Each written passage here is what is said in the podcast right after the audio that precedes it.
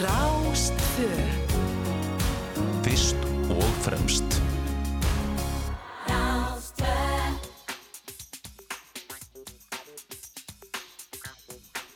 Komið í sælublessuð, þá leggjum við að stað hér á Rástvö. Þetta er þátturinn fram og tilbaka og ég heiti Felix Bergsson.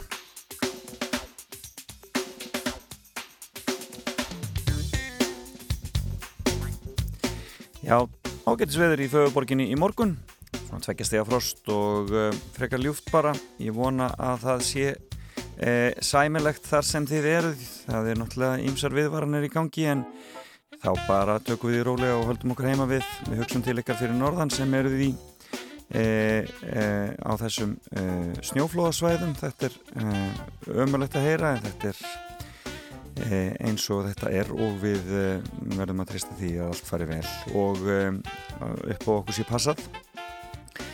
Eins og ég segi þá er bara um að gera að taka því rólega heima við og fylgjast vel með fréttum og og fara ekki að staða óþörfu.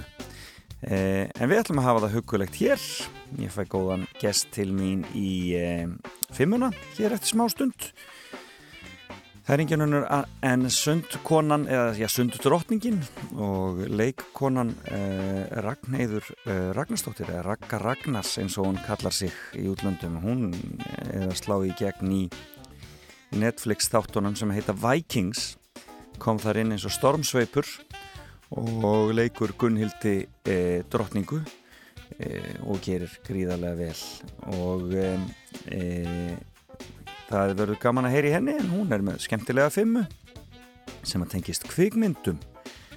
Já, það er alltaf gaman. Svo ætlum við aðeins að velta fyrir okkur Eurovision, því að nú er nú sá tími komin og kefnisaldarar í Rotterdam hafa gefið þá út að kefnin verði haldinn alveg sama hvernig þeir fara að því. Það var ekki bjart útlitið í Evrópi í augnumleikinu eh, svona þegar það kemur að eh, eh, blessaður í veirunni og því öllu saman en eh, þeir eru ákveðinir í að halda þetta og, eh, og þá eru þjóðunar undirbúa sig og eh, setja fram lögin sem að mögulega getur kæft fyrir hvern og einn og ég ætla að ringja í mikinn Eurovision sérfræðing sem heitir Karl Ágúst Íbsen og heyra aðeins hvað er að gerast út í Evrópu, hvað þeir eru að hvað þeir eru að, eh, að bardúsa þar og hvaða lög er að koma fram. Það er aldrei vitað með við heyrum eitt eða tvö af þeim lögum sem eru, svona, eru talin sigur strángli og, og verði í keppninni. E, ágætt að byrja svona að undirbúa sig undir þetta allt saman. Þetta er skemmtilegu tími framöndan og svo verður fréttageturinn á sínu stað og e, verðlaunin að þessu sinni er e, gafabriði Krauma sem er, eru náttúrulaugar. e, við deildatungu hver og e, það er alltaf gaman að kíkja í borgarfjörðin en svo er það músikinn og ég hef verið að spila lög úr söngvakefni núna í byrjun þáttar og að halda því aðeins áfram núna næstu, næstu vikurnar. Svona því að við fáum ekki söngvakefni þá er ekki að rifja þetta upp þetta gamla góða. Ástís Marja Viðarstóttir, hún var að senda frá sér lag með Dada Frey, bara hún nýlega en hún tók einu sinni þátt í söngvakefninni og þá með lag sem að heitir Amor, skulum revja það upp.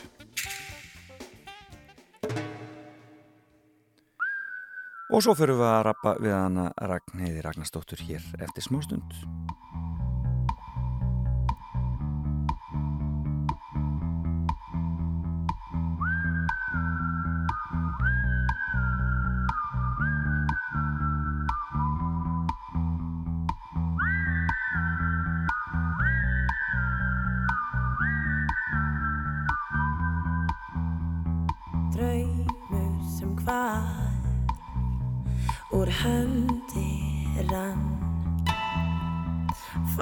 sér stað. Beigð þín þar kemst ekki fram á byggð vil ekki hata þig. Að finna til allt sem ég vil. Ég sópa á þig amor,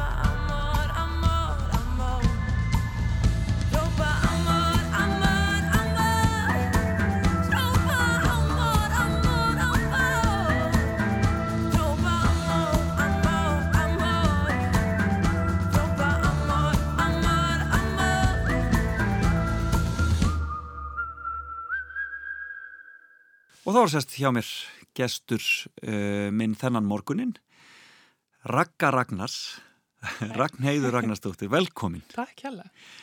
Uh, er ekki svolítið skrítið að taka upp listamannsnafn? Uh, nei, vegna þess að ég er bara Ragga Ragnars. Og va- varstu, varstu alltaf köllu Ragga í gamla daga? Hérna, Já, ég hérna var og í, í skóla var ég alltaf köllu Ragga Frænka eða Ragga Sund. Já, ok. Ég átti sérst frænku sem var í, var í sama árgangi og Ragnhildur Gröndal var í sama árgangi. Já, Þannig að það var Ragga G og svo Ragga Frænka eða Ragga Sund. Þannig að ég hef aldrei verið köllu Ragnhildur.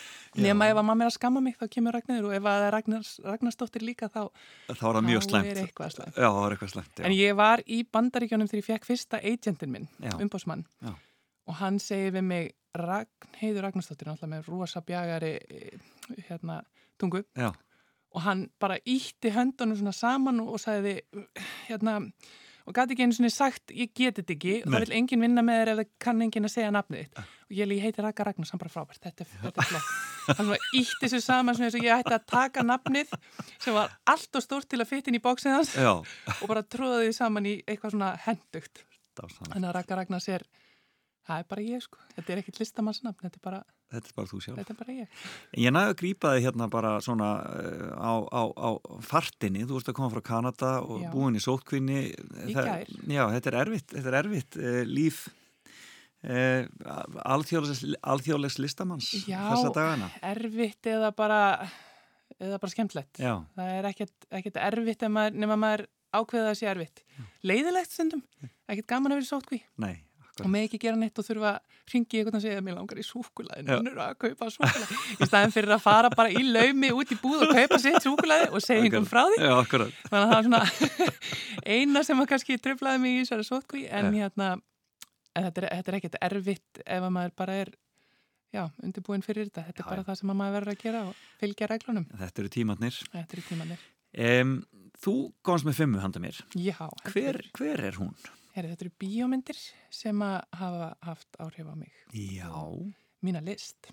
en spennandi. Við skulum bara byrja á þeirri fyrstu. Hver, svona, hver, hver er svo fyrsta? Herri, það, þetta eru allar, allar þessar fimm bíómyndir eru kannski frekar ólíkar Já, sem er uh, kannski ástæða fyrir líka en Já. hérna, svo fyrsta er Shawshank Redemption. já, Og það er náttúrulega bara svona masterpiece ef ég má sletta. einmitt. Eh, Og Hven er hún gerð? Hún er 90 og eitthvað eða ekki eða eitthvað? jú, ég er ekki viss. Nei, Uh, hún er gömul sko. já, Eða ung. eða hún Ég, ég ætla ekki að segja 90 og eitthvað sé, sé gamalt. Þa, það er, það verður ekki haft eftir mér. Akkurat. En uh, hérna Shawshank Redemption, uh, ég man ekki hvernig ég sá hana fyrst en ég hef hort á hana mögulega á einstu tveggjára fresti Mm bara frá því ég man eftir mér.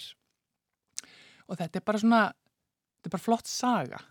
Hún er þetta vel gerð, vel leikinn, Svakalega vel gerð, já. svakalega flott. Já, En það sem að greip mér svo mikið var sagan já.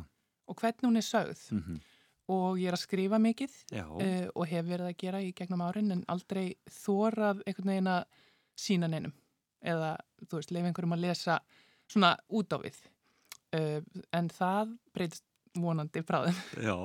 Maður verður að stinga sér út í djúbulegina stundum og hérna Og eru þá kvikmyndir eins og þessi sannast, því svona, svona uh, fyrirmynd fyrir þig þá í rauninni því ekki sem þú beint ert að gera? kannski þ- sem fyrirmynd en svona hvernig má segja sögu og hvernig, hvernig er hægt að, að já, ég er rosalega uh, visual uh, nú ég ætla að sletta bara fullt ég ætla bara að segja það bara hérna ég bjóð svo mikið í bandaríkjunum Já, sko, maður bara gleymist um íslensku en er þú séð svona sjónrænt fyrir já, svolítið svona sjónrænt og þá þá get ég séð sögur fyrir mér og, og meiri segja sko samtöl og allt sem að fer inn í söguna. Að- Mhm.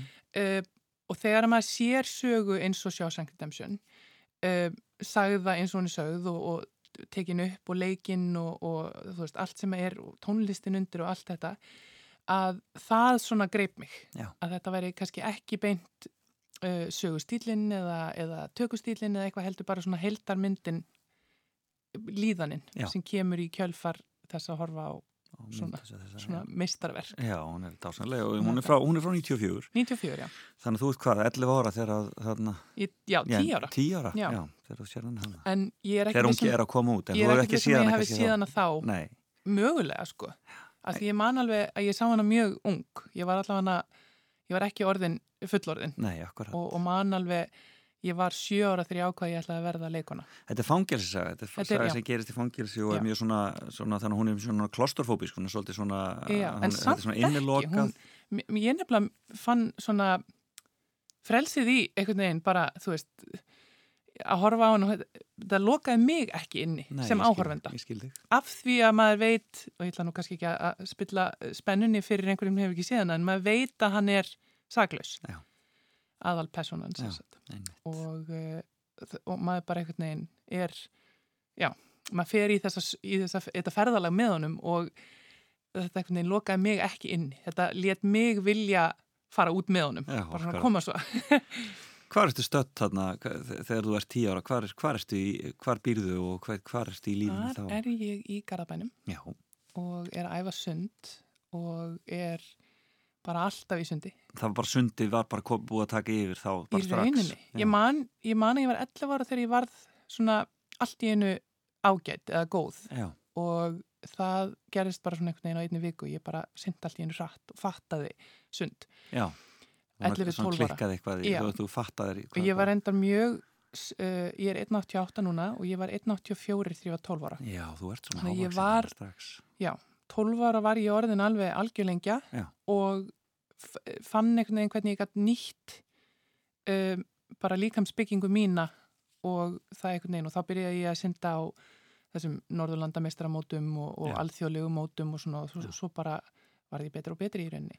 En ertu strax komið svona útþrá þá þarna því þú ert að tala um það að vera ekki lokuð inni og svo leisa, þú, Já. þegar þú sást svona heiminn sem þína, þinn leikvöll Já, ég alveg frá því ég var lítil sko, þá ég var mjög heppin með það að fóreldra mínir þau fóru með okkur sískinnin mikið til útlanda. Já, ekki, ekki ofta ári en, en við byggum í Danmörku þegar ég var 5 og 6 ára já, og uh, við fórum til Ítalíu og við, við kerðum til Ítalíu já, já. og það var svona allir ég hef gefið, já, 5-6 ára. Þetta var, við byggum í Danmörku, kerðum til Ítalíu, til hérna Lago di Garda já. og tjölduðum þar og e- eitthvað á leiðinni og fórum í gegnum alls konar staði og, og ég man bara, ég var bara þetta er til. Dásamlega fimm ára gömul að Já. sjá einhverja sko, einhverja rosalega breytt á Evrópu Já, og ég hef alltaf verið einhvern veginn með þessa þrá að sjá nýja staði og upplifa svona já, stemningu og ég fæ aldrei menningasjokk Þa, það er eitt af því sem ég hef ekki skilið uh, fólk, þegar fólk talar um. Nei, nei. Þú veist, að fara til Kína þegar ég fór á olupíleikana 2008, það var fyrst skipt sem ég fór til Kína. Já. svo fór ég aftur til Shanghai uh, tveimur árum setna og, og margir að tala um sjokkið með Mhm. matinn og ég fæ algjörlega anstæðina við sjokk. Ég fæ svona, yes, ég er að prófa okkur nýtt. Já, Ég- það, er, það eru miljardar manna eða þú veist hvað það er sem að er í Kína Já, sem að búa svona og borða þetta á hverjum degi og nú fæ ég að upplifa það. En frábært, já, ímyndaði það. Dásamlegt. Þannig að þetta er, þetta er svona eitt af því sem ég elska að gera. En eru fóreldraðinir eitthvað í, í listum eða í sundi eða íþróttum eða einhverju slíku? Já, öllu bara. Já, Uh, pappi syndir mikið já, og uh, mamma syndir ekki neitt held ég. Ég held ég að fara með mömmu tvísvar í sundum Já. En hún, þau reyfa sig alla daga, þau eru mjög uh, holl. Já, lif, fólk. já, og, li, og lifa þessu holla lífi. Og Það hvað er- gera þau? mamma mín er skólastjóri í Ísaksskóla. Já, já, já. og pappi er svona allt múlít mann. Já, hann var uh, í tölvugeranum uh, mjög lengi. Og er núna, hann sér um fjölskyldufyrirtækið M-Design sem að amma mín stopnaði og ég er að hanna fyrir. Já, já. það eru ullarvörur og uh, erum að já, selja bara mjög vel núna á netinu. Það var alltaf túristinn sem kom og kefti einmitt. en núna bara, þú veist, þegar að túristinn er ekki hérna þá, þá virðist alveg seljast ágætlega á netinu. Og pappi situr vaktina meðal annars, með hann Já. er að gera ímislegt þannig að hérna hann er, og hann er svona típan sem að eldar og, og er bara raulandinn í eld og sé alltaf í góðu skapi alltaf tilbúin að hjálpa öllum. Og eldar sko dýrindismat og mamma mín er svakalega góðu kokkur þannig að þau eru svona, þau eru bæði já, þau lifa þessu hotla lífi alltaf að, að gera eitthvað skemmtilegt og, og gott og holt þannig að þau eru, þau eru svona rosa fyrirmyndir í því að lifa heilbriðu og hotli lífi. Og hvað heita þau? Sigriður Anna og Björn Ragnar.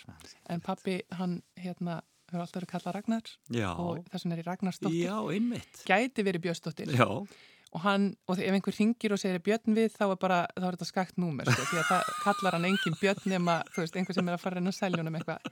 En svo kom hann í heimsók þegar ég var að vinna við Vikings Já. og Björn er, er eiginmaður minn Björn Játsíða er eiginmaðurinn í, í Vikings og Ragnar Lóðbrók er tengdapappin Já. og allt í einu fór pappa að kynna sig sem Björn Ragnar, Ragnar, og ég sagði pappi, þú kallar þig aldrei Björn Ragnar. En jú, jú á settin á Vikings þá heiti pappi minn Björn Ragnar það alveg, og hann fekk alveg bara því líka bara fanbaseið af, af öllum sem voru vinna heitur í alverðinu Björn og Ragnar en skemmtilegt. þannig að hérna Það er bara Íslendingurinn, eins Já, og það já. gerist best bara. heldur betur Heyrðu, Shawshank Redemption var svo Já. fyrsta. En Yes. hvað er næst? Philadelphia story frá 1940 Já, einmitt. yes. Það er... Uh, hún er hérna eh, frá 1940 Já, og þetta er þetta er sjúk mynd ef það er ekkert margir sem eru búin að sjá hana nei, ég þekki ekki. Bara Katrín- ekki svona, minnstakosti svona í fljótu, fljótu bræði. Catherine Hepburn og James Stewart og Já. Cary Grant og uh, þetta er náttúrulega bara svona uh, já, þetta er svona romantísk gamamynd Já, en samt 1940 akkurat. og hún, svona, hún er svartkvít og, og hún er það er svona ég elska þessa háflegu uh, bandarísk ensku uh, sem að hún Hepburn uh, talar Já. það er ekki ameríski hreimurinn, það er ekki breski hreimurinn heldur svona transatlantic Akkurat. hreimur Akkurat, þetta já. er svona high society í, í, hérna Í. Philadelphia. Já, og uh, bara húmor uh, skemmtun og eitthvað við hana sem að grýpur mig allavega. Já. Þetta er svona, þetta er svona glamúr tímin, þetta er svona, Já. já, þetta er svona, svona að renna inn í þarna 50s þarna glamúrin já, svona forstísk Já, þetta for- er svona, þú veist, þetta er og hún uh, Hepburn vann ekki mörg ár. Hún var búin að standa sér svakalega vel og vinna og vinna og vinna. Svo vann hún ekki mörg ár. Og ég held að hafi einmitt verið Philadelphia story sem að, sem að braut þennan uh, hérna, þessa pásu hennar. Og komin aftur á stað. eftir á stað. Uh, og það er svona svolítið, svolítið hérna, inspiration að, að það er ekki búið þótt að sé tími sem að því að allir leikarar lenda í því á einhverjum tímapunkti að það kemur ekkert og maður hugsar fæ ég aldrei vinnu aftur Nei, eða akkurat, hvað? Já, en ef maður heldur sér við efnið þá fær maður eitthvað aftur. Já, og það sem að gerist hjá flestum sem að, sem að hafa ekki fengið vinnu aftur er bara reynlega bara þeir hættu þeir fóru að gera eitthvað annað og hættu að leika eða hættu að reyna sagt, leika Já. af því að hérna, maður heyrir allar þessar sögur af þeim sem að bara heldu áfram og, og þá kemur eitthvað og þetta var stórmynd á sínum tíma og uh, kom henni svona aftur á kortið já. Stórkostlega leikuna. Já, alveg heldur betur. Og ég er rosalega hrifin af svona gamlu myndum en það, það þarf ákveðna hluti til að grípa mig í þessum, uh, þessum gamla, gamla geira. Já, akkurat. Þú veist, það er erfitt að horfa svartkvita myndi þegar maður er vanur að sjá all, allra nýjustu tækni og, og, og hérna, Og hver hraða líka, Já. svona, svona já, og allt öðruvísi myndataka og klipping og, og, svona öðruvísi, já, stemning myndi ég segja. Glæsilegt, Philadelphia story. Yes. Talandum að, að hætta eða, þú veist, var erfitt að hætta í sundinu á sínum tíma og, og skipta um fyrir? Nei, ég, ég var ólétt. Já. Það hafði bara rosa mikil áhrif á það að það var ekkert erfitt fyrir mig að hætta. Ég var búin að... Stemdur ólimpíuleikana í London? Já, 2012. ég, ég hérna uh, var með marga styrtaræðila á bakinu og þetta var, þetta gekk ágætlega. Ég fekk hálfgerða lúnabólgu eða ein- eitthvað svona, ég var allavega far veik þarna, Já. hvað, janúar, februar eða eitthvað. Og ég var orðin þreytt. Ég fann að líka minn var að byggja um pásu frá sundinu. Já. En ég ætlaði að keira í gegn og, á ólpileikana og ég var búin að ná ákveðnum lámörkum og ég var búin að, ég var alveg á, á góðri siglingu með það. Mm Uh, ætlaði mér ekkit endilega að verða ólétt fyrir ólpileikana, kannski eftir. En, en það var svona, þú veist, Örlögin, örlögin greipi mjög tömuna. velkomið minn, hann hérna, hann ætlaði sig greinilega bara að koma Já. þá þegar. Og ég var komin hvað fjóra mánuða leið þegar ólpileikarnir voru. Já. og ég æfði alveg þanga til að ólpileikarnir byrjuði í rauninni því að ég, ég ætlaði mér. En ég var ofþreytt. Ég var bara, við vorum í Mónakó að keppa Mhm. uh, og þetta var held ég síðasta mótið sem var svona stórmót fyrir, fyrir olbíleikana og það var verið að kalla upp í riðilinn og undan þeim riðli sem ég var í og ég verið hann á baði að guppa Já, og ég heyrði bara þú ert næst. Og ég var bara og, og svo stóði ég einhvern veginn á bakkanum með eitthvað keks sem ég var ekki vöna að borða. Veist, ég var að vöna að borða bara alveg eftir bókinni þú veist, allavega bókinni minni. Sem að ég var, þú veist, að borða rosalega holt en ég bara þurfti kolvetni og Akkurat. ég þurfti bara Orku. þú veist, eitthvað, já, það var eitthvað svona og ég að haki mig keksi og náttúrulega syndi ekki hratt. Fann bara að líka minn var að segja hættu þessu, Já. farðu heim Já. og fáðu þér baconbát á, á hérna þú veist, nonnabita eða hvað og ég bara, ok, ég þarf að kvíla mig sko. Þannig að það, það hjálpaði rosalega mikið þessari svona uh, já, þess, þessum, þessari lífstílsbreytingu sem að er, er, að hætta það, er það algengt að, að, að, konur haldi áfram þrátt fyrir óléttu sko uh, svona fyrstu mánuðina, skusti? Eh, það það nei. keirir svolítið í gegna það? Nei, það ekki í sundinu sko ég, það eru nokkrar Dara Torres, bandarísk sundkona til dæmis uh, hætti í fimm ár þegar hún átti dóttir sína Já. svo bara komið tilbaka Já. hún hefur verið kannski 43 fjara ára eða eitthvað þegar hún mann silfur ólupíleikunum Já. Mér minnir að það hafi verið 2008 einmitt. og ég horfið alltaf á hana og ég hugsaði með mér bara wow, þú veist, hún Mhm. eignaðist bann, hætti svo bara komin aftur Já. og er eh, í topp, þú veist, baráttunni hún er Mhm. ekki, hún er ekki þarna, þú veist í, í hérna þú veist, í svamlinu Nei, hún er bara alveg Já, já. og, og, og þá hugsa maður þetta er hægt það er gaman að vita, en þetta er, þetta er ekki algeng, Nei, akkurat. En e, þú ert ennþá að synda já, smá Já. svona, og keppir aðeins. ég keppi stundum og ég er búin að eftir að svona minn fættist, þá held ég hafi náð nokkrum Íslandsmeistaratillum En og skemmtilegt. ekki Íslandsmetum svo sem, ég er ekki búin að ná að bæta mig eða, eða neitt svo leiðis en það er gaman að taka taka hérna uh, sprett stundum og, og, og þegar ég segi sprett að minna í sprett, ég Já. kemst 50 metra ég er ekki vissum að ég geti tekið 100 ég held samt að ég hafi keft í 100 og ég fór á mót Já. þar sem að K.R. þurfti á mér að halda fyrir stig svona stiga, stigamót Já. og ég átti að senda 200 metra bringusund og ég segi, eru þið klikkuð? Besta vinkonu mín Berglind Óskar er yfirþjálfari í K.R. og hún segi, ég er ekki klikkuð, ég þarf aðra að halda það getur enginn sendt þetta, þú verður að senda þetta Já. taktu 200 metra bringusund fyrir mér alveg sama þótt þú sendir hægt við þurfum bara stíin Já. og ég hei ok, hérna, ekkert mál fer og syndi og ég bara syndi frekar hrætt af því ég var ekki að drífa mig, ég var bara einhvern veginn að slaka og, og bara, ég ætla bara að klára þetta. Já. herri, ég vann 200 metra bringusund og ég sagði með mér, nú, nú hún horfði síðan á mig bara eitthvað, ok, þú ert að fara að byrja að æfa aftur á fullu. Og ég bara, nei, nei, nei, nei, nei, nei bless. En þetta er góð líkarsækt til að hafa með leiklistinni. Já, rosalega. þetta er, þetta er svolítið svipa á leiklistin. Það er, það er þessi ægi og undirbúningur sem að er á báðum stöðum finnst mér gott að hafa um, ægin og undirbúningurinn sem að, sem að fór í það að þú veist fara á olpilegana Mhm. sami ægi og undirbúningur kemur þér eitthvað áfram í hverju sem er og ég er Akkurat. að nota í leiklistinni þannig að Frábært. það er mjög skemmtilegt Þriðja mynd. Þriðja myndin, Thelma and Louise Já. Ég- alveg Er það feministinn? Já og bara Ridley Scott. Ég, ég er mikill aðdænd hans. Um, Gina Davis og Susan Sarandon. Harvey Keitel. Þetta er, þetta er bara svona mynd sem að mér finnst um, ég, ég veit, ég er ekki eins og með orð. Þetta er eiginlega, ég held að þessi sé þetta er uppáhaldsmyndi minn Þetta er náttúrulega svona hinn hin, hin eina sanna vega mynd einhvern veginn, sko. Já, og svona þú veist hvað maður ka- kalla hana veist, svona, svona veist, eða svona þetta er, þetta er, þetta er djúsi mynd. Já. og Brad Pitt með kurgahatt og það er bara alveg nóg Það er nóg. fyrir þig. það er nóg.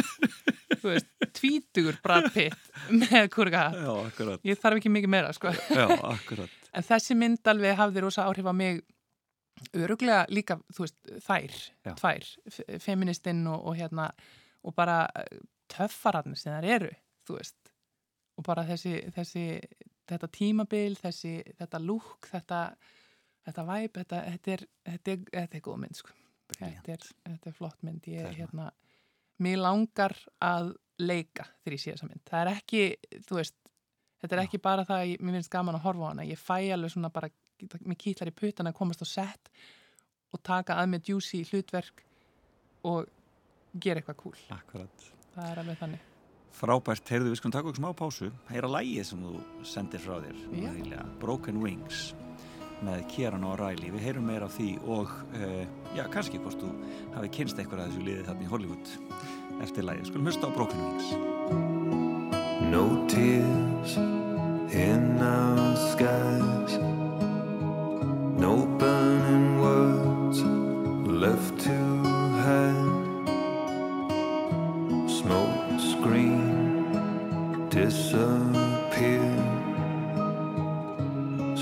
tomorrow when you're not here.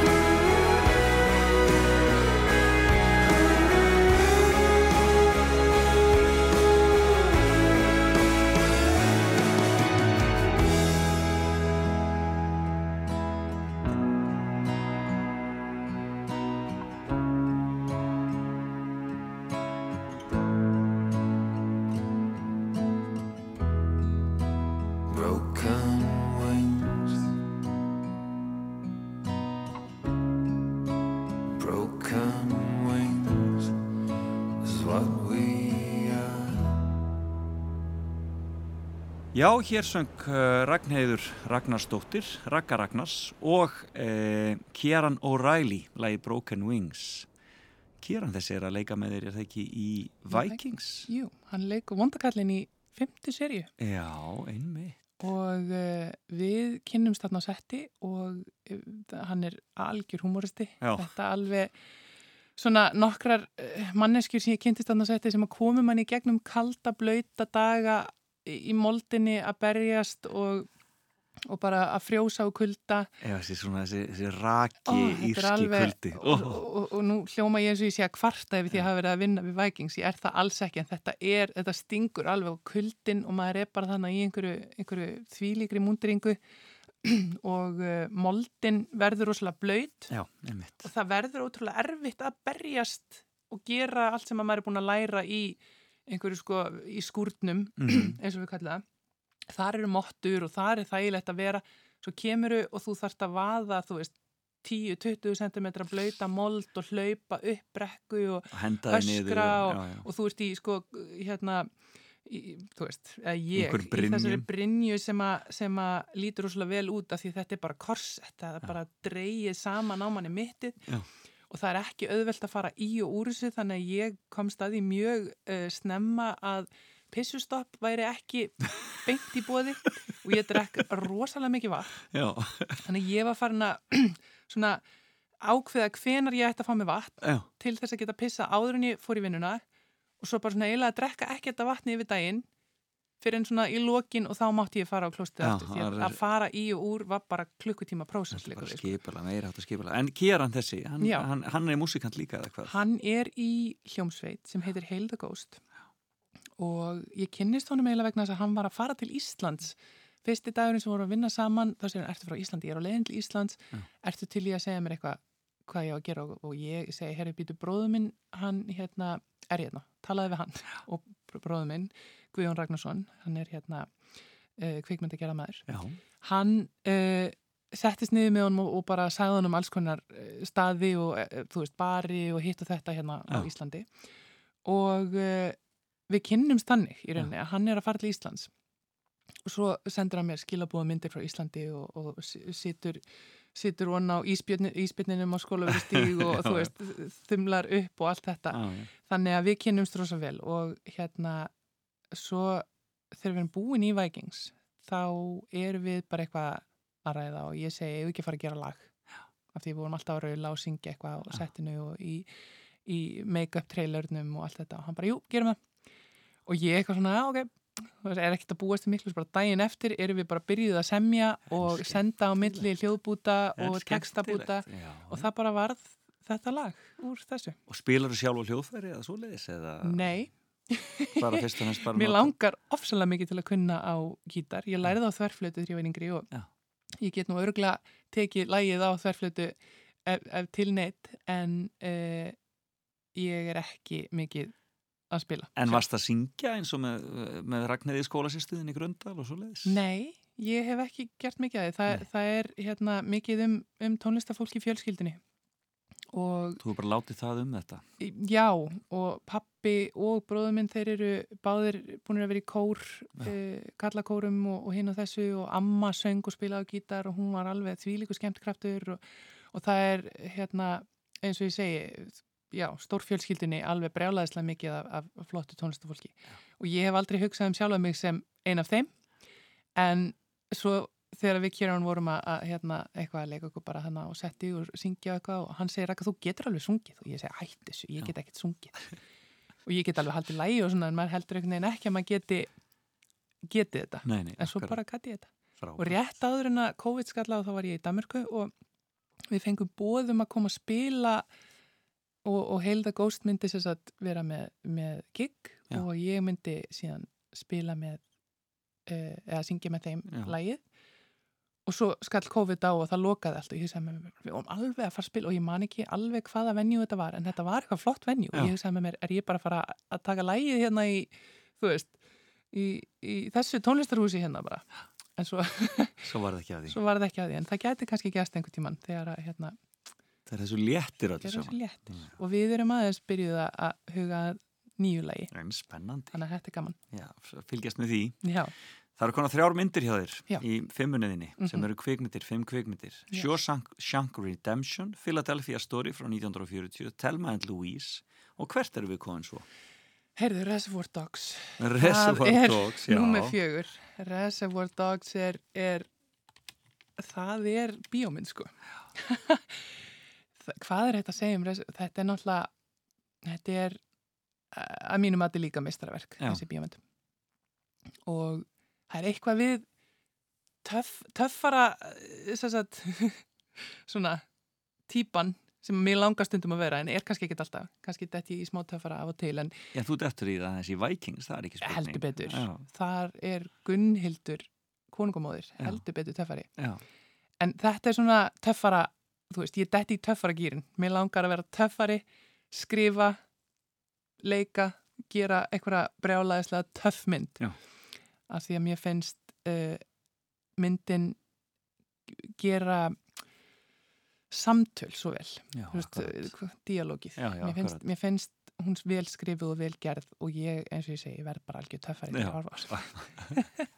Ég tek eftir því, þetta eru, þetta eru ameríska myndir. Já, Þú ert svolítið þar. ég er Það er eh, svona þinn skóli svolítið. Já, Þú náttúrulega fórst og lærðir í LA. Hvernig var að taka þá ákvörðum? Var það bara, þú byrjar að fara á námskeið, las ég eitthvað staðar og svo ákveður að taka bara í kjölfærið. já ég, ég bjó í Kaliforníu þegar ég var Mhm. yngri, 16 ára Í sundinu þá. og fór að æfa sund uh, hjá einum besta þjálfara í hérna bandaríkjunum Já. uh, landslis, uh, einum af landslistjálfarunum og Kalifornía hefur alltaf kallað á mig það hefur einhvern veginn alltaf verið já, staðurinn. Svo þegar ég var útskrifuð á mentaskóla þá hérna þá fór ég aftur nokkur sinnum og var að æfa út í Kaliforníu og, og það var einhvern veginn aldrei spurning um hvert mér langaði að fara, mér langaði alltaf til LA Já. það er líka náttúrulega, þetta svona mekka svona bíó, Já, já, bíómekka. bíómekka sko. Og hvaða skóla ferði í? Ég fór í New York Film Academy. Mm og ég fór í þetta átta vikna prógram sem ég byrjaði á. Og þetta var svolítið svona ég var með stráki minn einsás og þetta var svona pínu bara svona prófum þetta, Mm svo gekk þetta vel. Uh, það var gaman í skólanum. Mér fannst ég vera að læra ímislegt þetta er ekki beint kannski uh, ítarlegt nám sem ég fór í uh, en svona, svona yfirsýn yfir alls konar mismunandi tækni Já. til að leika. Já. og þetta er eiginlega bara svona námi sem ég fór í allan, ég fór síðan í einsásnám og ringdi í bróðum minni mitt og sagði þú verður að koma með mér í þetta. Og hann sagði bara hvert að tala um? Og ég segi þú, þú kemur núna, skráir þig og þú kemur.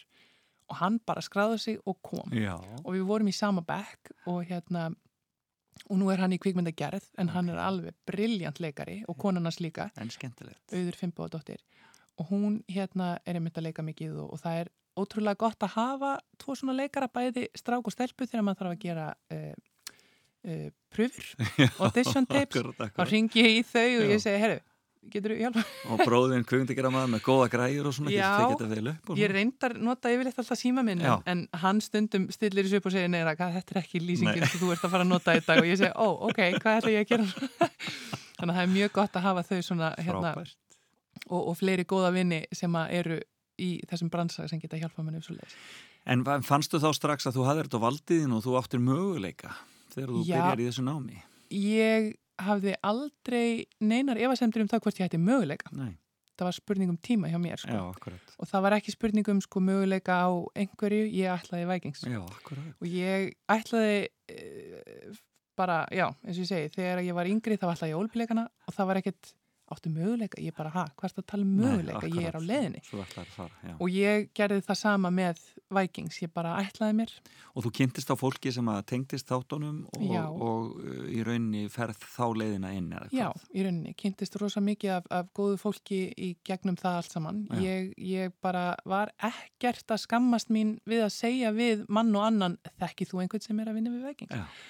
Og uh, það, já, tókst lóksins að, hérna, að finna fólk sem að gatt hjálpa mér og komið mér í samband við annað fólk sem að kom síðan í samband við, það var bara svona einhver leið og ég var aldrei með neinar efasemdir eins og ég segi, þetta bara Og, og það er ekkert smá hlutverk, ég meina þetta er bara eitt af stærri kvennhlutverkunum í Já. þessum þáttum. Enda, enda var ég einhvern veginn bara á tímabili þá hugsaði ég, mér er alveg sama hversu lítið, ég ætla bara að vera í Vikings og hugsaði, Já. hvað er ég að tala um lítið? Akkur, þú veist, ef maður ætla sér eitthvað, akkur ekki bara fara alla leið? Og ég- bara. skrifa rosa mikið af því sem ég ætla mér niður og mér finnst það mjög mikilvægt þegar, maður, þegar kemur að því að setja sér markmið og, og hérna og ætla sér eitthvað. Og það þýðir ekki fyrir mig að segja ætla ólpileikana, ég skrifa það niður. Ég, þú veist, ólpileikarnir 2004, Já. ólpileikarnir 2008 Akkurat. Þú veist, badnignir breki, hann konana þannig ég skrifa niður rosa mikið og ég meiri segja hérna, ég með alls konar litla bækur sem ég skrifi í hvað sem það eru lítil orð eða setningar eða, eða bara hvað sem er af mínu markmiðum. Og ég bara skrifaði, ég ætla bara e, já, þetta er ekkert smá hlutverk. Þetta er mitt hlutverk, ég ætla að vera e, drottning Já. í Kattegat með þess að, ég, skrifaði ég. Ég ætlaði mér að hérna berjast, drepa fullt af mönnum og konum og vera sjúklega flott. Og ég man að ég var satt með Katrín Vinnig sem leikur í lagar það uh, ég satt með henni á hérna kaffihúsi. Já. ég var að segja henni þetta. Og hún segir, ertu, þú ert að grínast í mér? Ég segi, nei, ég er hérna með e-mailadressu sem ég sendi, sem ég bjóð til sjálf og ég sendi sjálfur mér e-mail stundum. Sem sagt, uh, og, og er með svona markmið og svona. Já. og hún segir, ha, ok, síndu mér. Og ég fer í, í hérna e-mailin minn og, og ég seti inn bara stikk orðið Vikings og þá sér, síni ég henni að ég er búin að vera þetta í þrjú ár sjálfur mér og hún er bara, og ég skrifa mjög mikið á ennsku þannig að Já. hún gæti lesið þetta.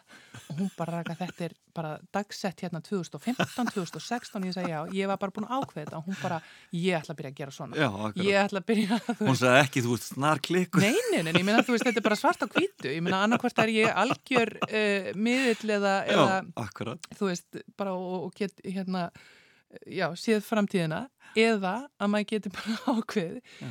og nota þetta sem svona smá tækni til að, til að hérna líka bara eh, trúa á sig sjálfur, ég meina ef ef þú lest það þá trúir því kannski meira heldur en að þú ert að segja sjálfur þar inn í ef þú segir það upp átt, þá trúir því kannski meira heldur en bara að hugsa það þannig að þetta er svona smá tækni sem ég nota Heyrðu, ég plataði til að segja mér hvað þú varst að skrifa í bókina þessa dagana á Já. eftir. Við skulum heyra hvað síðasta myndin er í þessum fimm kvikmynda lista. Já, heyrðu, hún heitir It's Complicated It's complicated. Hvað mynd er það? Heyrðu, þetta er, þetta er einmitt svona, já, þessi listi, þetta er ekki allt eins myndir, Nei, en it's complicated og þetta er eiginlega svona mynd sem ég valla þorði að viðkenna fyrir fólki að væri eina af mínum uppáhalds. já, En hún bara er það og ég ætla bara að óna það hér og nú já, að hérna, þetta er svona romantísk gafamynd já, ok. og Meryl Streep leikur hérna þannig uh, og er eina af mínum uppáhalds Romantísk Eh. afmynd frá 2009. og uh, Meryl Streep er náttúrulega stór hún kostur. er rosaleg. Hún, e, þú veist, ef ég ætti að velja fimm bara e, bíómyndir bara með henni, þá er það erfitt Já, e, hún hérna leikur hann að konu sem að á bakari eða svona kaffihús. Og ég elska bíómyndir þar sem er verið að búa til mat. Já, og eitthvað að gerast inn í einhverju eldúsi og einhver sem að elskar að vera inn í eldúsi og Já. til mat og eitthvað en þetta, myndin snýst svo sem ekkert um það Nei, en hún, hún er þarna inn í, inn í eldúsinu og hérna og þetta er svona um, eitt romantísk afmynd og ég er rosa uh, hrifin af þessum svona feel-good myndum sem maður þarf ekkert að stressa sig yfir, maður horfir og það er bara gott, það er engin vondur í myndinni, þú veist, það er engin hann að fara hefna sína á einhverjum eða myrða einhvern eða, eða þú veist, fara að gera neitt vond heldur bara svona gleði einhvers staðar í, í einhverju vínegru einhvers staðar í, þú veist, og dásanlega. það er önnur myndrindar sem er um, svona, ekki kannski romantísk, já, kannski romantísk mynd, það er Sideways og það, það, þessar tvær svona, ég, ég átti mjög erfitt með að ákveða Sideways eða It's Eh, Complicated fyrir fimmuna, sko. Já. en það er svona einmitt, vínegra það er eitthvað að gerast í með mat og vín og drikk og húmor. Þannig að hérna It's Complicated er eina mínum svona, já, Það hljómar dásanlega. Ég þarf, ég, nú sest maður bara yfir listan og, Já, og horfir á hverja eina, þetta eina, helgin þín, Þetta er helgin hjá mér, þetta er bara, ég fer í þetta bara. Þetta Ekkert eru annað að allt gera. góða myndir og hérna It's Complicated er svona eitthvað sem að gerði það verkum að mér langar að skrifa bíómyndir. Já, og það er Og það sem þú leikstýra. ert að skrifa í bókina þína þessa dagana, eða ekki? Já, ég er að skrifa bók Já, og uh, ég er að skrifa handrit þannig að bókin, bókin er badnabók Já, og uh, Siggi Valur uh, sem er teiknari með meiru mhm, og, og brjálaðislega flottur uh, listamæður, hann er að teikna. Já, og við erum að vinna hana saman þessa bók. Frábært. þannig að ég er, já, núna er ég að hérna að, að kjafta frá því að við erum ekki búin að segja neinum frá þessu en þetta kannski lætur okkur sparkar aðeins í rassin okkur Já. að fólk viti kannski af því þetta á árinu. en já, það er, það er markmiðið og hérna og uh, mér finnst gaman að skrifa og ég vildi ég gæti teikna betur Já, og, og, og Siggi er, er hérna En þú að reyna svona að myndrænt, en þú hugsar myndrænt Ég eins og hugsa þú rosa myndrænt Og ertu þá að gera það núna þegar þú ert að skrifa uh, það sem að gæti orðið kvimta handrið eða svo leiðis, Já. ertu þá að, að, að, að, að sjá fyrir hérna, þér? ég, ég geri það, ég, ég skrifa uh, rosalega hratt. Ég, hérna, ég ringdi í vinkonum mínu og ég sagði, ég skrifaði handrit á hann. Og hún segi, ha, skrifaði bara handrit á hann? Ég leiði hann að lesa og hún bara, heyrði, heyrði, heyrði þetta er eitthvað. Og ég bara, já. Og hún segi, hvernig kannstu skrifa þetta bara áðan? Hvað er þetta að tala um, kláraði þetta áðan? Nei, nei, ég byrjaði og ég endaði áðan.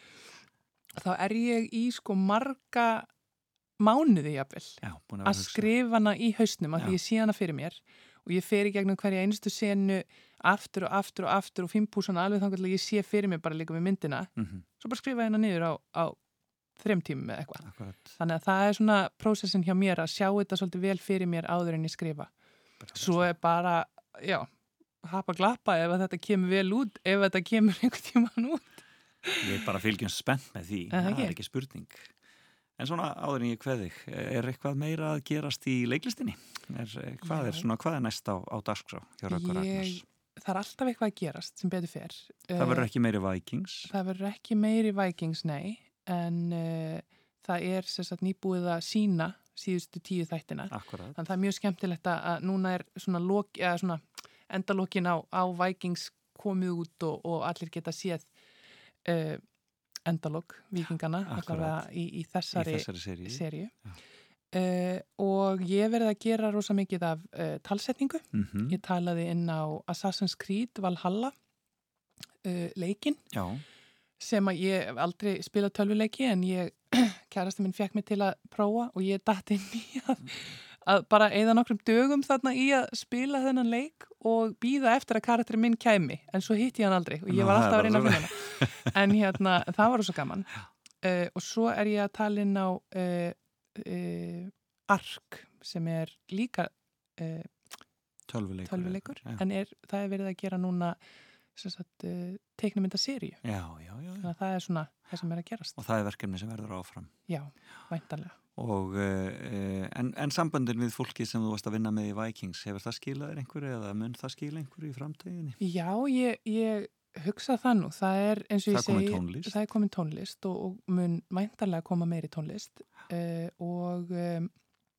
svo er bara, þú veist, maður, maður hefur myndað sambönd við svo marga þarna að það er aldrei að vita hvað gerist. Nei, það eru leikstjórar, það eru leikarar, það eru alls konar fólk uh, bak við tjöldin sem að maður er, er að vinna, eða þú veist, tala við um að vinna saman og svo bara vona maður að það gerist. Það var sannlegt bara til hamingi með þetta allt saman. Hlökkum til að lesa frá því barnabók og sjá frá því bíómynd og fylgjast með afreikunum mín í framtíðinni. Engi pressa. Takk fyrir spjallið. Takk.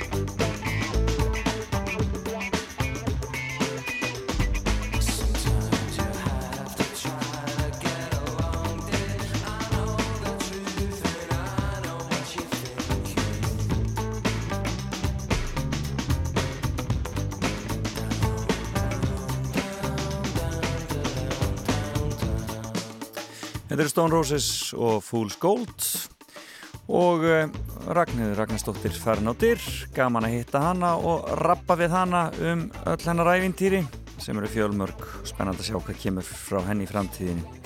Við förum að fara að uh, fá nýju fréttir hér á Rás 2 og svo höldum við áfram í þættinu fram og tilbaka fréttagetraun framöndan og svo ég aðeins að hitta upp í Eurovision tímabilinu sem framöndan er. Nú eru lögin byrjuð að byrtast hér og þar í Evrópu og uh, við ætlum svona að byrja á að heyra minnstusti tvö lög í dag. Eitt frá Noregi og annað frá uh, Litáen en um, við skulum taka smá pásu og svo höldum við áfram uh, hér í þættinum fram og tilbaka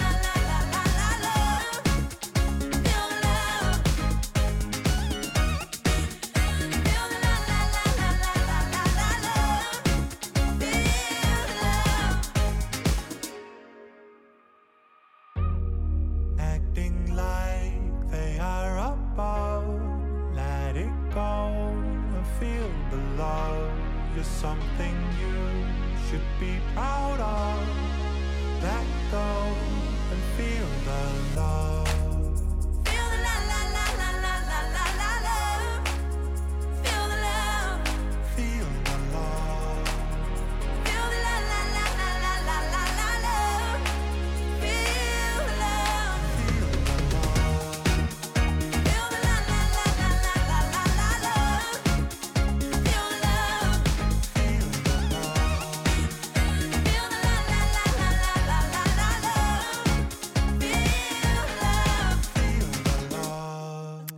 Þannig hljómaði það. Þarna voru þau Daði Freyr og uh, Ástís Marja uh, og lagið Feel the Love.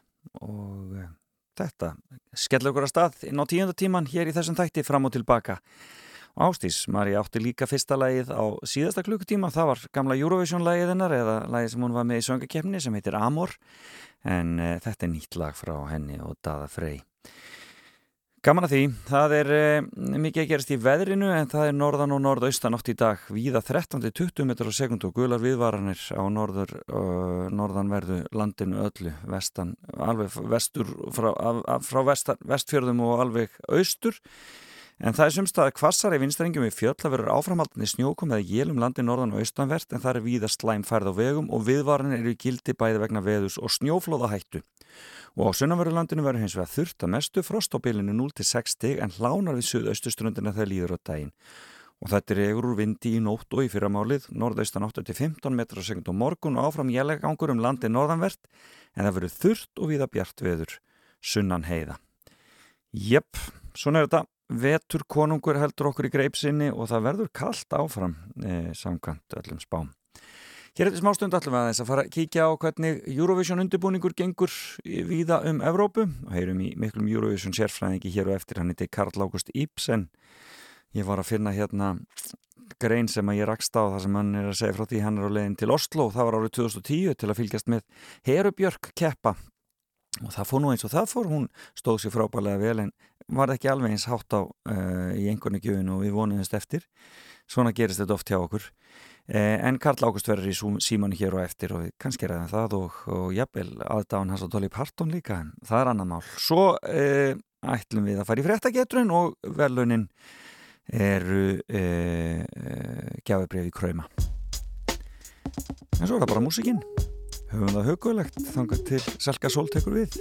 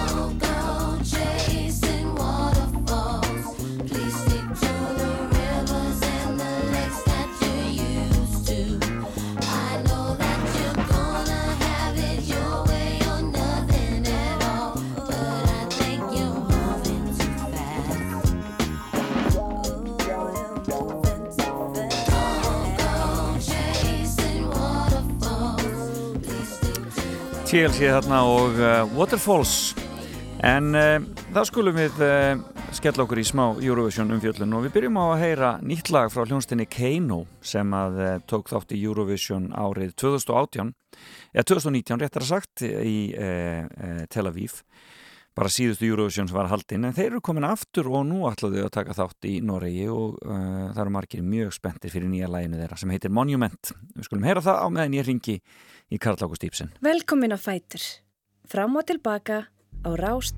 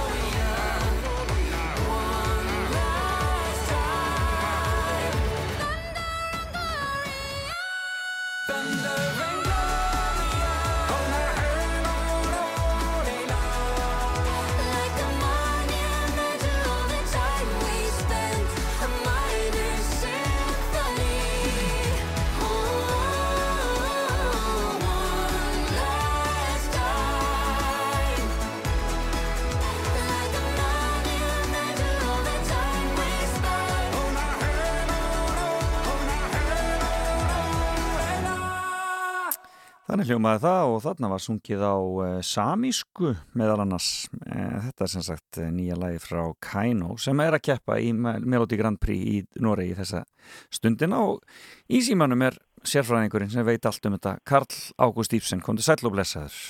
Já, góðan dag, sérfræðingur á sunnan. Sérfræðingurinn á sunnan, einmitt. Heyrðu, hvað segir sérfræðingurinn á sunnan um Kaino þetta árið? Er þau að fara að vinna þetta í Noregi? Sko, það segja allir já, Já.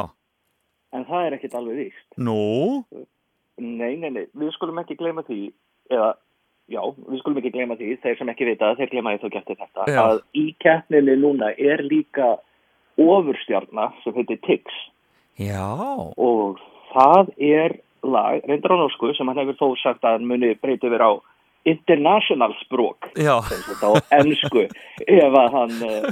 Þetta er barnastjarnar mann og eiginlega segja það svona, hann hefði þetta lúmlinga, hann er YouTube-stjarnar, hann Já. hefur líka verið dómar í Idol og hinn og þessu Já, já, já, já. uh, og bú, hann, hann er sagt uh, einn af þessum keppendum sem fara beint í úrslitin þarna í, í Nóri. Þetta er sérstu keppni hjá þeim, þetta er svona útsláttarkeppni en sex keppendur komist beint í, í úrslitin. Já, þetta er mjög sérstakt Og- svona form hjá þeim, þessi, þarna, þessi, þetta er ekkert nema einvíi bara, endalus einvíi. ein, t- tvö einvíi hverju keppni, eða ekki raun þrjú, því að það það er fyrst tvö einvíi, svo keppa þeir sem sigra einvíin sín á milli Já. og eitt kemst áfram. Já, akkurat. Svo voru þeir nú, nú svo sniður í Noregi, þeir bara, þetta er vinsælt, það er ekkert að gerast, það er allir heim í COVID, Einmitt. þannig að þeir stækkuðu second chance eða unda auka keppnina Já, sína. já, já, já, já. Þannig að nú fá bara allir sem að duttu út að keppa í auka keppni og upp á möguleikan á að komast áfram. Þannig að það er svona ímsir möguleikar að nýja sig. En það er sem sagt, það er e, þrátt fyrir e, slæmar fréttir frá Európi samtöku COVID og svona, þá er menna á fullu að gera ímislegt svona til að reyna að létta sér lundina og velja löginni mitt í, í Eurovision. Um, Já, eru fleiri en normennir að gera svona flottar undankeppnir? Já, það er nú, það má nú segja, já, ég veit ekki hvort það nái nú allar svona þessum, þessum standard, því að og til dæmis núna síðasta keppni, hún var mjög flott. Já. og, hérna, og verður örglega ekki síðri í kvöld eh, en eh, margar mörglöndur um undakefni einin og búin að velja land það var stór keppni, festival í Kengis í Já, Albaníu, í Albaníu, þeir eru alltaf snemma á ferðinni. Þar er líka ástandi mjög slæmt út á COVID en þá heldur þetta bara utandira í desember Já, akkurat. þannig að, kallarnir þeir voru allir dúðaðir í frökkum og húfur og vellinga en konurna náttúrulega gáttu það ekki Nei, Það akkurat. það voru sínum pinna hælum og stuttum stutt, stuttum pilsum og galakjólum. Já, já, og svo völdu þeir, eina sem að syngur þarna balluðu og, og með þarna með svakalega mikla rödd, eins og venjulega. Ífurlega flott sönguna og rosalega flott svona þjóðlaga power ballaða. Já, En hún, það, það er nú hægt að segja að það verði endilega lægi sem eins og við þekkja. Það þeir, þeir eru fræðið fyrir það að breyta lögunum mjög mikið akkurat, áður en þeir koma loksins á svið. En akkurat. þau eru annur reyndar að breyta þessu minna því þetta er ekki nema þrjára mínútur og sex sekundur. Já, ekki kannski fjórar, fimm eins og lögin eru oft þarna í Albaníu. þannig, að- það verður kannski minna breytt en þá, þó verður þetta á international sprók eins og normenn myndu segja að verður flutt yfir á ennsku En það eru fleiri að velja núna og Ísrael eru að fara að koma með sitt lag núna fljótlega það ekki? Er það ekki bara Jú. núna uh, á næstu dögum bara? Jú, það, það styttist í það og það verður uh, það er söngkonan sem átti að fara síðast Já, þeir þetta tilkynna sem sagt núna bara á mánudaginn 2005 já. Hvaða Uh, lag er það verður uh, hérna, söngkona sem er af etiópískum ættum. Alveg hún heitir Hasir og lægi hennar, hún er nú 18 ára gömul en hún ætlaði hann að flytja sinn síðasta dans. Já. Last Dance, þetta er lægi það, það, hún og, skulum vona að það verði samt ekki svona söngurinn. Já, en það er búið, það er búið ákveða sem slagi því ég held að það væri, væri verið að velja á milli þryggjalaga eða hvað? Já, jú, en já, fyrirgefi núna, núna let ég hérna orðróman að fara svolítið langt það verður þannig nokkuð lög. En, En allir vita að það verður þetta sem heitir Já, Last ég veit eiginlega að verður þetta Last Dance. Við skulum Ég, þetta, er- ég elska þess að þetta er ykkur Eurovision áttafn þið vitið allt miklu betur en Við hinn sem að erum með sér að vinna í kemninni en já, hérna, er- sko, já, en eru en sko síðan fara svíjarnar náttúrulega af stað. Það er náttúrulega að býða allir eftir því hvernig það verður. Finna þeir eru með hörku keppni í árið ekki? Jú, þeir eru með einn sjö lög sem keppa. Uh, þar á meðal er hann Axel sem átti að fara í fyrra. já, hann ákvað að keppa Eh, uh, Hann ákvaði að gera það, er nú búin að tilkynna hann ætlaði ekki að gera það. Laug blá kast fram henni í geði á Eurovision aðdáðandum og skapaði þannig mikið um það. Þetta er menn kunna þetta. Og það verður nú að segja eins og er. Mér fannst lagið í fyrra alveg hryllilega leðilegt. En þetta lag er, er gott Já. sem hann er að keppa með núna. já, Þó ég sé nú ekki sem hann komist áfram það. mm, þannig að það er, já, það, er, það verður spennandi að sjá hann er, hann er feiminn þessi drengur, það var, valla hægt að ná upp úr húnum orði í þeim viðtölum sem hann fór í, síndist manni Já, er nú tilbaka. Svona svolítið svona hipster líka með yfirvara skekki sér. Já, já, þetta er, þetta er þykir, aldrei cool. Heyrði, já, en síðan er það litáan. Þeir gera, þeir þarna fara yfirleitt í mjög stóra keppni hjá sér. Mjög stóra og flókna keppni. Já, Það er, þeir byrja á riðlakeppnum. já, Uh, í kvöld er uh, sérst, annar riðill, ég kalla það heats á ennsku, það er sérst, uh, annar riðill í kvöld. Það er oft ekki möguleik að vita hver þeir áfram úr Nei. þessum riðlum, hvort það er eitt, tvö, jáfnvel þrjú lög. Uh, það er bara þessi domnend og, og áhörundur velja. Uh, og svo er undankeppni um næstu helgi Já. og svo er aðalkeppnin þar næstu helgi. Já. það er nóg að, að gera þar. einmitt. En þar eru úrslitin að maður má nú telja eh, til til að ráðin. Nú, Já, það eru komin þarna aftur þeir sem ætla að veita daða hvað mesta fyrra, já, uh, The Roop. Já. þeir voru í þeirra með On, uh, on Fire The Roop, The Roop, The Roop is on Fire eins og eitthvað sagði Einmitt. og uh, það, en þetta er svolítið skemmtilegt hjá þeim í ár þeir fara með alveg uh, þeir fara með svona skrítilag, eins og má segja en samt svo miklu þroskaðra Já. eftir það var í fyrra Já. þetta er svolítið eins og þegar að hérna, Lena varði titilinn með uh, Stranger Já, hérna, Taken by a Stranger þetta er svona þroskaðri hérna, þroskara lag sem Ég- segi betra Já, jafnvel svona þ- þroskaðir í útgáfa nokkur af sama lægi svolítið líka, sko, það er svolítið þannig. já. Svona og þeir eru sniðugt því að það eru einn 5-6 TikTok mím í þessu lægi, í þessu vídeo þetta er ekki bara einhver einn dans sem að það þarf að læra, þú þarf að læra kannski 5-6 Þetta er briljant. Við sko, heyrum þetta lag hér aðeins og eftir en á, áður en ég sleppi þér þá ætlaði ég að spyrja þig sko, eh, hve- hvenar hófst þinn, þín, þín svona eh, afskipta Eurovision? Hvenar fórstu að, að, að fylgjast almennilega með þessu?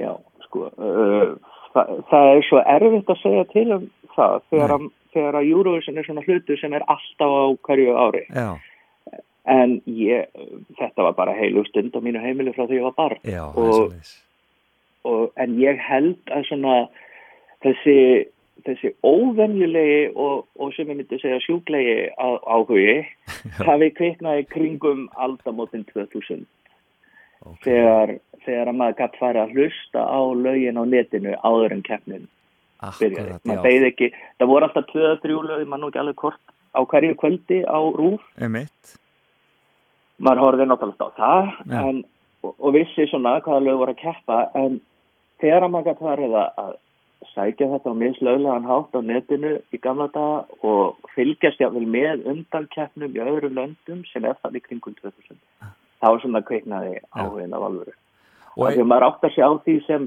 sem svona mikið aðdrandi að undankeppnunar eru bara stundum skemmtilegri heldur en sjálf keppnin já, já, þetta er og það er nú kannski það sem er einmitt skemmt þetta aðeins að skoða þetta og, og, og, og hvetja fólk til að fylgjast með. Það er fullt í gangi út um allt og fullt af flottri músík sem er verið að, koma þar á framfæri þó að það fari ekki allt síðan, síðan í Eurovision keppnina sjálfa Já. En uh, sko, ég get ekki sleftir öðru sem að spyrja þig líka um aðdáðan þína á Dolly Parton. Hvað er, hvað er það? Akkur ertu svona hrifin á Dolly Parton?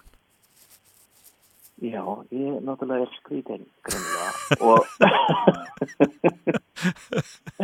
ja, ég, ég, ég, þú, þú opindera mig á ég skrítinn náunga hér í, í morgunsári en nei, Dolly er bara alveg einstök manneski, í fyrsta lagi þá, þá er svona fyrsta Dolly lagi sem ég man eftir mér bara sem krakki Já, það er lag sem heitir Love is like a butterfly og Já. er mjög fallegt lag sem er svona næstuð í barnalag, mjög einfalt og fallegt lag. ok. Ég er svona kolfjall fyrir þessu sem krakki, svo átti ég uppáhaldslag sem unglingur sem heit uh, Just When I Needed You Most og vissi ekki að það var Dolly Parton sem flutti, það var svolítið spilað hérna í, á áttunni. Já, mjög skemmtilegt lag. Já. og þá, svo þegar ég uppgötta þetta að þetta er Dolly Parton, sama konan og, og ég hafði verið svo hrifin af sem barn. Þá fór ég að kenna mér þetta. Hún er einstö, einstakur listamæður einmitt, Íslendinga þekkir því miður bara 9 to 5 og Jolene einmitt. einstaka þekkir, þekkir Here You Come Again. Uh, en hún á yfir 3000 lög hún semur næstum allt, allt sitt efni sjálf Akkurat. hún standi lagið I Will Always Love You sem Whitney Houston Einmitt, eitt og Gerðu allar það. vinsast allar tíma bara hreinlega. Það er bara, allra tíma ég, ég er náttúrulega svolítið söktur út í Whitney Houston útgáðan og minnst því svo miklu einlægri og fallegri já, það frá, Dolly Vi- sjálf. vi- sa- sungið af henni sjálfri hún reyndar hefur gert þetta lag hún komst á topplistan þrísveitsinu með þetta lag tvísum með sjálfur sér og svo með Whitney Já. Þannig að þetta er, þetta er ágættis eftir launa sjóður sem kemur þessu lagi Já, svo hefur hún verið að, að deila peningum í allskins góð verkefni. Hún er, Já, hún er, hún er hún er með barnlaus. hjarta á réttum stað. Já, hún er barnlaus en hefur sagt að öll börn séu hennar börn Já. og uh, hún á uh, sjóð sem heitir Imagination Library sem að gefa börnum bækur í fátökum, að byrjaði í hennar eigin ríki þannig í Tennessee Já, en hefur svo fast víða, uh, nú síðast til Írlands þar sem er því miður mikil fátæk mikil stjættaskipting og mikil fátæk með þeirra fátækustu.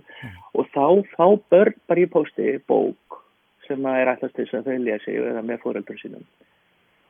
Og þetta hefur stuðlað að mjög auknu læsi í þessum löndum þar sem hún hefur verið að gefa þetta. Hún hefur líka verið mjög öflug í, í góðgerðastarfsami Já, og moderna bóluefnið fyrir, fyrir COVID-19 væri nú sannlega ekki tilnæma að því að hún gaf þarna miljón dollara Já. í þróunum. akkurat. Þetta er alveg, eitthvað örlítið sinna. hún er alveg ótrúleg. Heyr, við spilum hann á eftir, en við skulum halda okkur í Eurovision og ég ætlaði að spila Rúp hér á lokum, Discotek heiti nýja lagi þeirra og ég fæ kannski að eiga þið inni Karl Ágúst svona þegar nær dregur og heyra meira í þér þegar við vitum meir hvernig þetta þróast allt saman. Þegar lögin er að verða komið fram hvert á öðru. Já, Kæra þakki fyrir spjallið, gaman að heyri þér. sömulegis. Já, bless, bless. Og hér eru þeir eh, The Roop og nýja lagi þeirra sem heitir Discotek og það segja margir að þetta er eftir að gera það gott í Eurovision í ár. Kemur í ljós.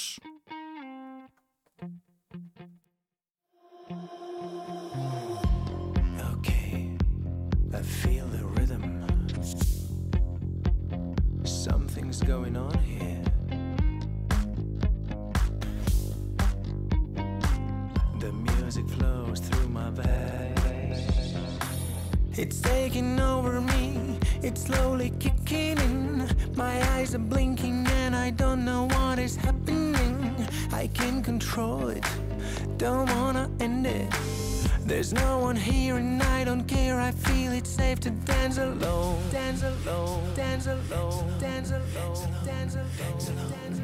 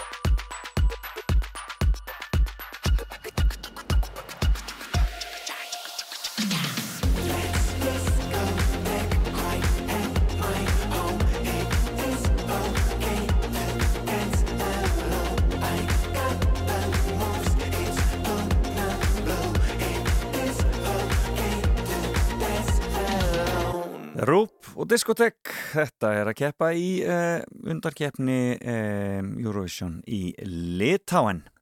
Uh, en eigum við að fá eina dolli áður en við skellum okkur fréttageturinn.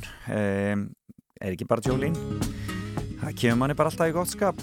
Þó umfjöldun nefnir sér kannski ekkert svo sérstaklega skemmtilegt. Jolín og svo fyrir við fréttageturinn. Jolene, Jolene, Jolene, Jolene.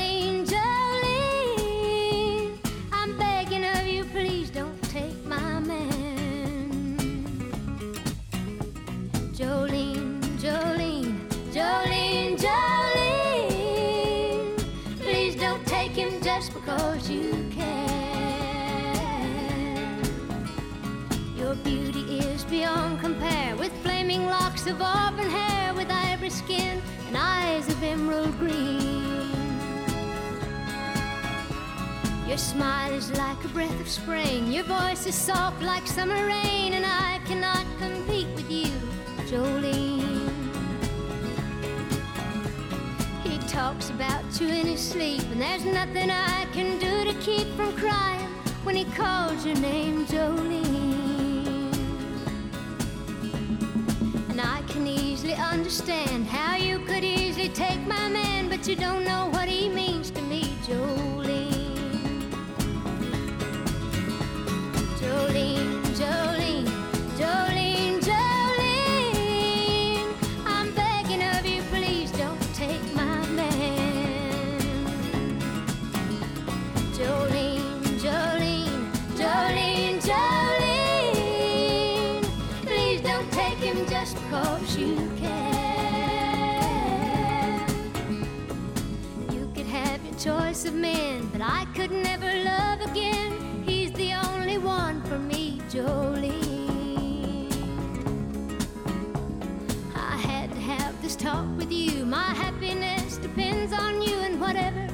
decide to do,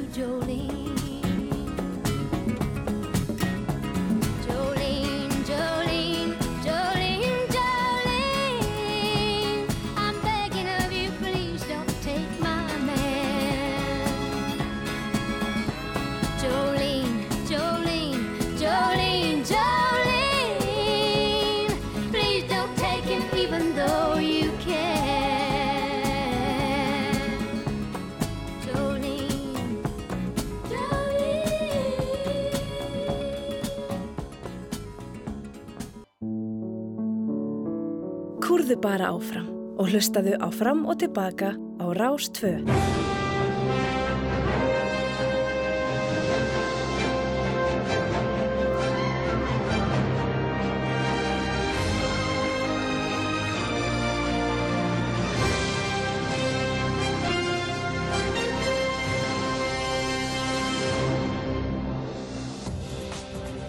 Já, kúra, sagðan. Já, já, það má alveg kúra, en það má líka bara kúra upp í rúmi með síman og taka þátt í fréttagetraun. Símin 5687123, 5687123, þannig að þið getið byrjað að ringja og eh, ég byrja ekki að svara fyrir að svona fle- fleiri línur er farnar að loga, þannig ég hafa nú einhverjar að velja hér. Er margt búið í fréttum í vikunni og við munum koma aðeins... Eh, aðeins e, e, já, niður á hér og þar nýrfósitt í bandaríkjónum og, og svo er ímislegt búið að vera í gangi auðvitað e, annar staðar, auðvitað handbóltin líka og svona ímislegt þannig að ef þið vitið eitthvað um þetta þá endilega ringið því og velaunin e, eru gjafabriði kræma en við skulum byrja á fyrsta hlustanda. Góðan daginn. Góðan dag Halló, heyrir þú í mér? Halló, greinilega ekki, við skulum heyra þá í næsta. Góðan daginn! Hvað er í gangi hérna? Er ég ekki á réttum stað? Jú. Nei, ég er ekki á réttum stað. Góðan daginn! Góðan daginn. Sæll og blessaður, heyrur í mér? Já, já, já. Já, ég er einhverju ruggli hérna, ég var að setja upp kolvittlisann sleða maður. Heyrðu, hvað ertu stattur í heiminum? Herðu, ég er í Reykjavík Já, í góða verinu hér. í blíðunni, Í sko. blíðinni. Heyrðu, þá ætlum ég að spyrja þig fyrst. Byrjum hérna. En ba, ba, ba. Í vikunum var tilkynnt að Joe Biden, sem er nýjir fórseti bandarækjana, vildi framlengja samningum hömlur á kjarnorkuvopnum við rússa. En spurt er, hvað heitir þessi samningur? Ekki hum. Nei, hann er nú búin að vera til umræði í nokkur ár. Það er bara alveg stólið. Það er stólið. Heyrðu, já, já, Já. takk fyrir að ringja. Já. Já, bless, bless. Það verður að reyna aftur bara, sjá hvort að þetta kemur síðar. En góðan dag. Já, góðan daginn. Veist þú hvað hann heitir þessi samningur? Kjarnorkusamningur um rúsa? Uh, nei, ég er ekki með það. Næst ekki með það. Þetta Er, hann hefur verið til umræði í mörg ár þessi samningur, en náttúrulega gleymdist svolítið meðan Trump var við völd. Jú, jú, Þetta kemur ekki? ég. Ok, takk fyrir að ringja. Takk, bless. Já, ég byrjaði þetta almenlega, sko. Góðan daginn. Já, góðan dag. Veist þú hvað hann heitir þessi samningur við rúsana? Ég var að hlusta á netinu, ég misti að þessu. Já, hvað heitir hann hérna sa- samningurinn sem Biden vill framlengja um hömlur og kjarnorkuvopnum við rússana? Hvað heitir sá samningur? Þessi gamli góði. sem að Trump ætlaði að láta renna út og, og, og, og detta ár gildi? Það heitir samningurinn. Já. Þetta skjóta? Svolum mér. Nei, ég hef það ekki. Þú hefur það ekki, heyrðu, takk fyrir að ringja Takk, já, bless, Nei, þessi vissi ekki heldur, góðan daginn Góðan dag Ég kom daginn. Halló, veist þú hvað hann heitir samningurum við rússa sem að bætin ætlar að framleikja? Ég, sko, það var eins og samlingur sem ég heit saft, en ég, ég hætti hans ekki gamall, en, en það er kannski, ég bara stingu upp á þessi saft. Þú ert rosalega nálægt þessu Aha, Er er þetta það loka pipar svo? kannski? Hæ? Hvað Er segir það pipar kannski? Nei, þetta er ekki rétt hjá þér, en vel var skotið. Heyrðu, takk fyrir þetta. Það varst Takk mjög nálægt þessu. Nú, Takk, þú, þú munt reyta hárið þitt þegar þú heyrir svarið. Nei, heyrðu. Takk fyrir að Ég er ekki með neitt eftir, þetta er alltaf leið. Heyrðu, við sjáum til. Hringir Já. við næsta. Takk. Leið. Já, ekki var það salt, en hvað heitir hann? Góðan daginn. Góðan dag, hvað heitir samningurinn? Heitir hann ekki Start? Hann heitir Start. Ekki var það salt, heldur Start, já. Það Var er samningurinn. Já, akkurat. Hvaðan er þú að ringja? Ég er hérna í Grafavóinum. Grafvænum og með samninga, kjartnorsku samninga alveg á hreinu. Nei, þetta er bara alltaf í fréttum. maður. Já. Heyrðu, þá spyr ég þig, af því að þú ert nú að fylgist greinilega vel með. Í vikun hefur öll þjóðum verið líndu sjónvarpið til að horfa á íslenska landsliði handbólt og þjálfærin okkar, hann fór nú alveg á kostum hann í viðtali gerkvöldi, Guðmundur Þóruð Guðmundsson. Hann gerði Dani á sínu tíma olimpíumeisturum, en hvaða ár gerði hann Dani að olimpíumeisturum? Mm. Já, nú búið regla olimpíuleikunum. Ég hef alltaf verið á slettum árum. Hvaða ár gerði hann Dani að olimpíumeisturum? Skjóttu nú. Já, ég ætla bara að skjóta á 2012. Það er ekki rétt. En vel var skotið. Takk, Takk. fyrir, takk fyrir að ringja. Takk. Nei, það var ekki 2012. Góðan daginn. Ekki veit þessi þetta. Góðan daginn. Já, góðan daginn. Góðan daginn. Veist þú hvernar Gummi gerði Danið olimpíumesturum? Herru, ég ætla hann að bara skjóta 2016. Það er bara alveg á rétt hjá þér. Það var 2016. Eh, bara, og manstu hvar þeir voru olimpíuleikarnir þá? Nei, það er stó, stólið verður hvað, hvað þeir voru. Já, já, það var í Ríó. En þú varst með þetta, ég var bara að spyrja um árið. Þannig að þetta er bara, þeir eru bara olimpíumestarar, þetta var bara síðustu, síðustu olimpíuleikum og síðan hafa þeir bara ekki verið haldnir og það er spurning hvort þeir verði haldnir í ár. Já, við erum að láta, láta, láta reyna á það bara. Viltu setja, viltu setja því í, setjast í spásæti, heldur það verði olimpíuleikar í ár? Nei, ég held ég sér ekkit að, ekkit að, ekkit að taka sénsum að því, sko. Nei, það gæti alveg verið að þeir bara myndu að það er ekki. Það kemur í ljós, kemur í ljós. Heyrðu þú út komið eitt rétt, hvaðan þetta ringja? Ég eru Reykjavík. Þú ert í Reykjavíkinni og þá getur þú kannski vita þetta, það stendur til að reysa styttu eða það er svona í umræðinni af listamanni fyrir utan Vesturbælu og hvaða listamaður er það sem að- á að fá styttu þar? Já. Ef það gengur eftir. Herru, ég, ég hef ekki, ekki, ekki skoðað Vesturbæðatíðindin. Þú er ekki heyrt af þessu? Nei, nei, þetta var alveg Þetta er, það, þetta er vinsælasta eh, tillagan á nýjum hérna, hugmyndavef Reykjavíkuborgar Já, ok.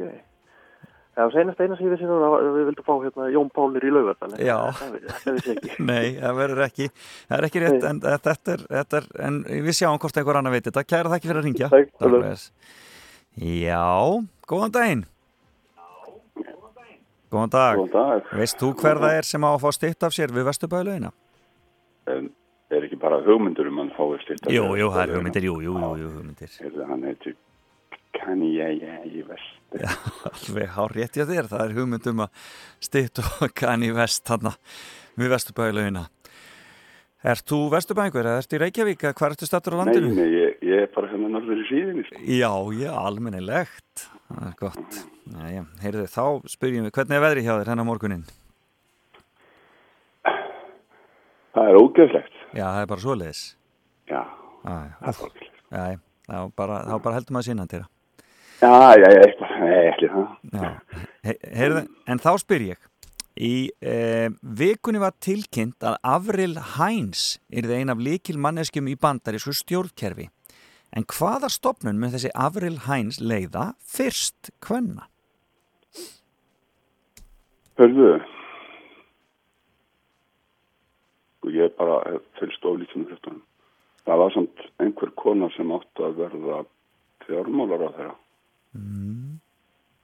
Það, veitlist á mér. er það lokasvar? Ég, ég, ég, ég hef fylgt svo lítið með því. Ég ætla að halda það saman alltaf að ég verða fjármálar á þeirra. Já, nei, það er ekki rétt. En, en takk fyrir að ringja. Kær Ekki mál, kveðja takk. í líðina. Takk. Nei, það var ekki rétt. Nú er spurning. Góðan dag, veist þú þetta? Uh, veit ég hvað? Hver Avril, þessi hva, Avril Hæns, hún átti að verða eina líkil manneskjum í bandarísku stjórnkerfi, það var við tilkynnt í vikunni, en hvaða stopnun mun þessi Avril Hæns leiða fyrst hvenna? Uh, eitthvað sem er FBI eða CIA Já, hvað er svarið? Hvað er svarið? Loka svarið? tökum CIA það er á rétt hjá þér. CIA er það. Hár rétt, það er sem þú nálega þetta CIA fyrst hvenna. Þetta er alveg rosalega svona spurningar. Þetta fer alveg með mann sko. Höldum okkur í... Já, þetta er, þetta er spennandi. Höldum okkur í bandaríkjunum. Í vikunum var Joe Biden fórseti bandaríkjana, eins og við vitum, en þar var líka viðstættur öldungadeilda þingmaður fyrir Vermont. Hver er það? Er þetta að tala um mannum í vellingurum? Ég veit það ekki. Hvað heitir hann? Ég ætla bara að skalla hann, Bernie Sanders Það er hár rétt hjá þér, það var Bernie Sanders. Hann er sennast öldungadeilda þingmaður fyrir eh, Vermont. Já. Heyrðu þá erum spurning hvort þú nær þeir í þriðju og nær þeir í velunin. Um,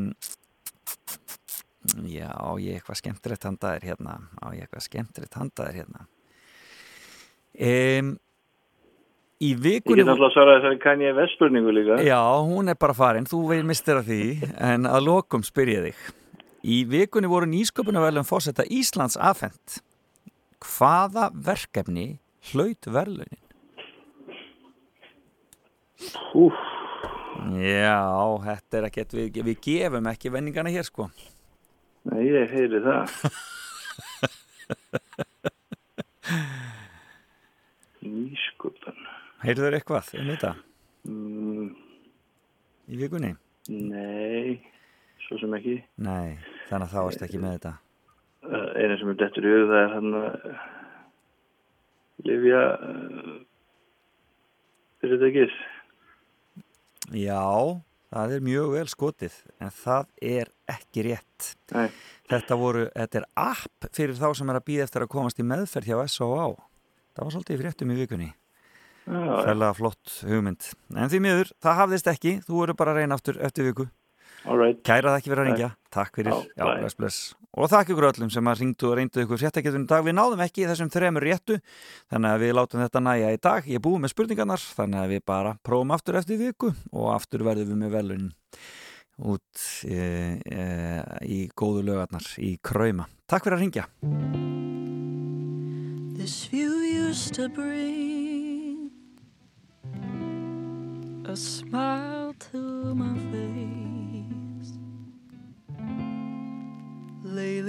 done nothing but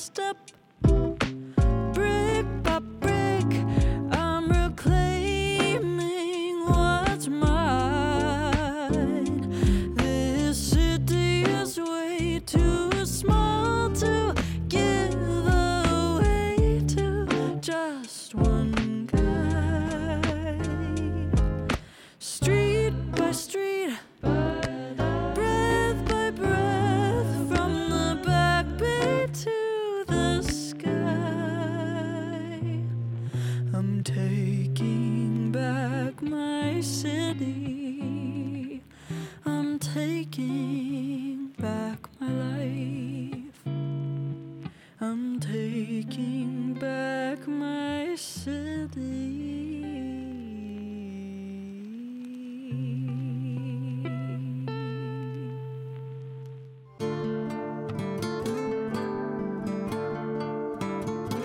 Þú ert að hlusta Á fram og tilbaka með Felix Bergsinni á Rástföð.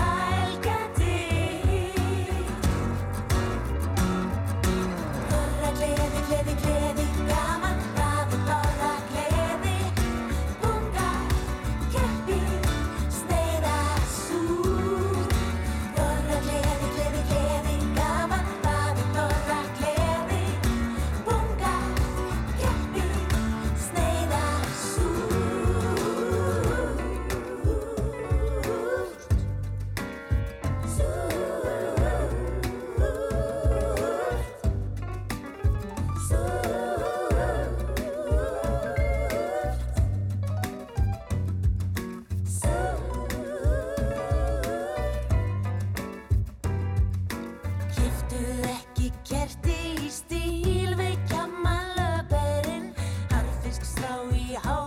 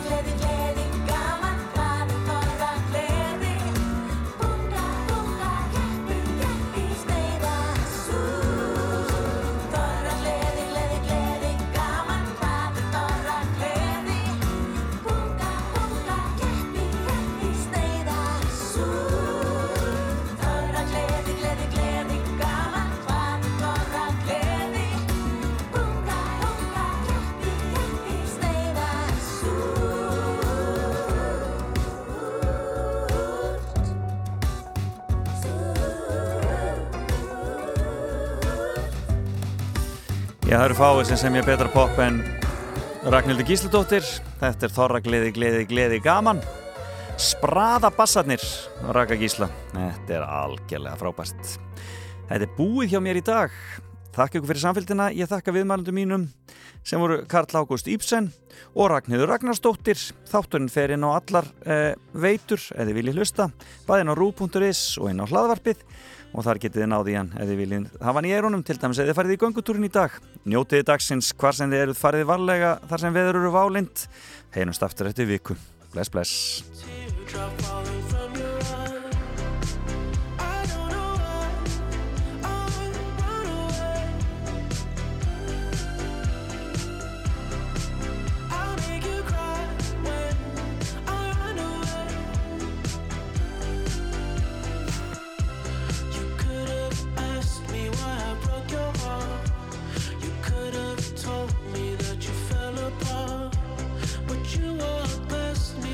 wasn't there and just pretended like you didn't care.